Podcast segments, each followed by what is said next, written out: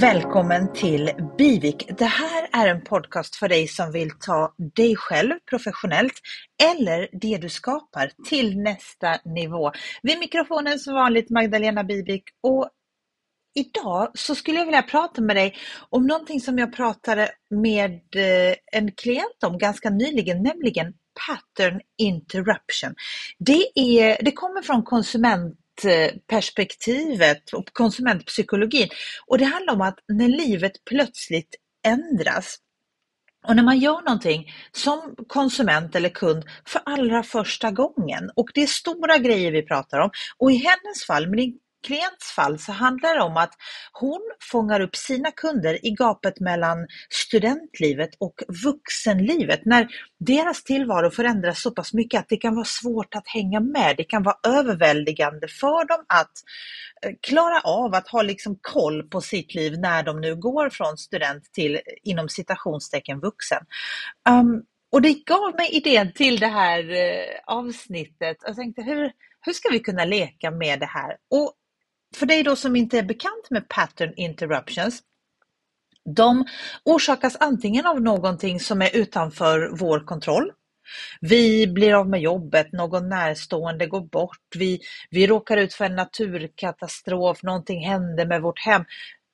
Eller på grund av ett stort beslut som vi medvetet tar, men för första gången. Det, det är stora grejer som att köpa hus för första gången, bli förälder för första gången, starta det här egna företaget. Vi kanske flyttar till ett annat land för jobb eller och, och, under en kort stund i en sån här pattern interruption situation, då är vi liksom nybörjare. Och det betyder då naturligtvis att vi inte kan så mycket om det som är på gång som vi, vi, vi är vana vid att kunna mycket om andra saker och, och tänk, tänk dig den som är, tänk en familj på två eh, superframgångsrika företagare som nu har bestämt sig för att skaffa barn för första gången. Det kan de ingenting om. Det här gapet blir extremt stort och hur mycket de än tar hjälp av böcker och närstående, fortfarande så är de nybörjare för att göra någonting för allra första gången. Och jag tror, och jag är inte ensam om att tro det, utan litteraturen säger samma sak, att vi är vi är nybörjare, vi kan ingenting, men också under det här korta fönstret som vi är nybörjare så blir vi mer öppna för den information som vi får än vad vi normalt är. För tänk dig själv, ju mer du kan om, om ditt, desto mindre öppen är du, kanske, förhoppningsvis inte, för nya intryck och för nya lärdomar kring, kring det som handlar om det du kan. Men däremot i en pattern interruption situation så kan du ingenting och då kanske du är mer öppen och nyfiken. Och den personen som kommer med insikter till dig just då blir också väldigt, väldigt viktig. Och vad ska vi då i den här Bibik-podden ha det här till? Jo, för ett tag sedan så pratade jag med dig om hur du skulle kunna få mer exposure effekt att jobba åt dig. Exponeringseffekten, alltså att det du exponeras för mycket blir till slut bekant för dig och blir inte en big deal utan du stretchar ditt tänk. Gå tillbaka i flödet och lyssna på det avsnittet för det är faktiskt väldigt bra. Och nu så tänker jag i samma maner laborera kring hur du skulle kunna få pattern interruption att bli till din fördel. Och då tänker du så här, ingen, inga stora beslut eh, om att köpa hus eller skaffa barn behöver tas här nu och ingen har dött. Men tänk då, säg att du bestämmer dig för att ta det här professionella steget som du längre har tänkt. Det är ett stort beslut för dig, du kanske ska lansera någonting, du kanske ska starta eget, du kanske ska säga upp dig från ett jobb du har haft i 15 år och byta helt och hållet ditt Eh, din struktur i hur du gör. Eller så kanske du har ett företag och ska lansera någonting nytt. Du vet, det är liksom någonting nytt. Men det är något du har tänkt på en stund och kanske tvekat inför och varit lite skraj för. Och, men nu tänker du att du ska göra det, nu ska du göra det. Och då kan du ju välja att luta dig tillbaka mot det du redan kan och ta de här små men behagliga steget mot, stegen mot ditt mål. Och det funkar utmärkt. för vissa människor det är precis rätt strategi. Det är så man ska göra. Men jag skulle vilja bjuda in dig till, till bara att tänka tanken.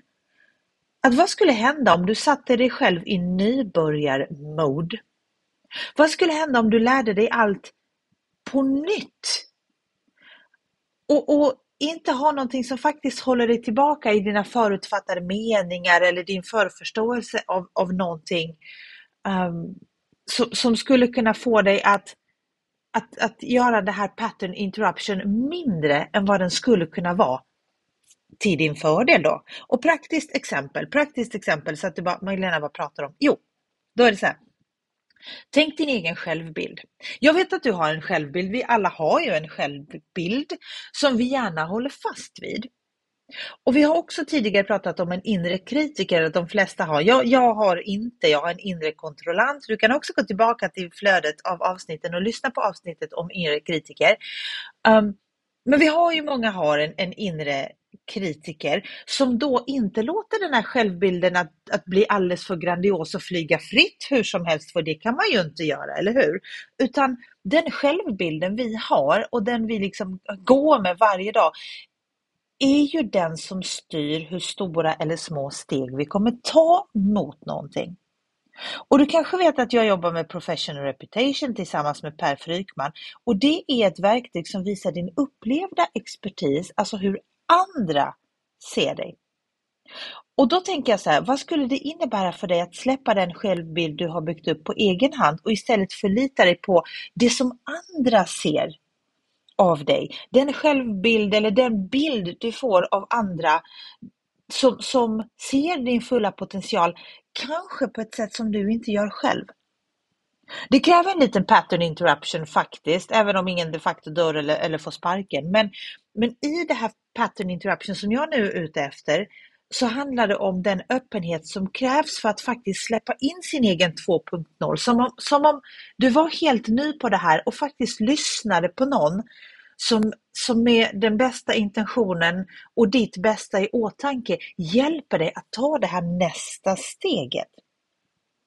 Och Många av oss går ju igenom livet utan en pattern interruption. Det är bra på ett sätt för det betyder tryggt och stabilt, det lunkar på. Men samtidigt synd om det betyder att vi därmed har spelat safe, vi har safeat ibland behöver vi bryta våra egna invanda mönster liksom för att börja om från början och nå den här nästa nivån. Jag tror att det är först då vi faktiskt når nästa nivå.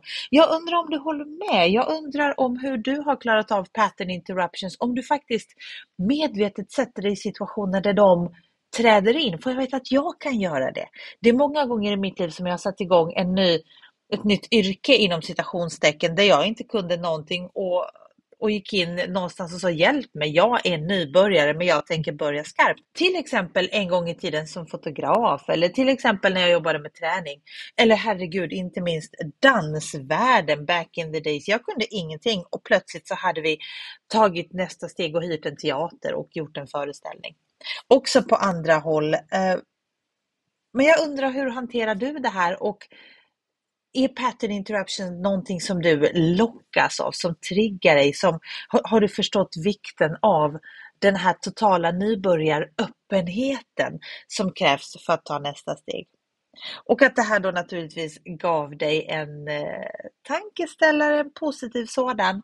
Och eh, vi hoppas att vi hörs, att du är här nästa vecka. Ha det gott!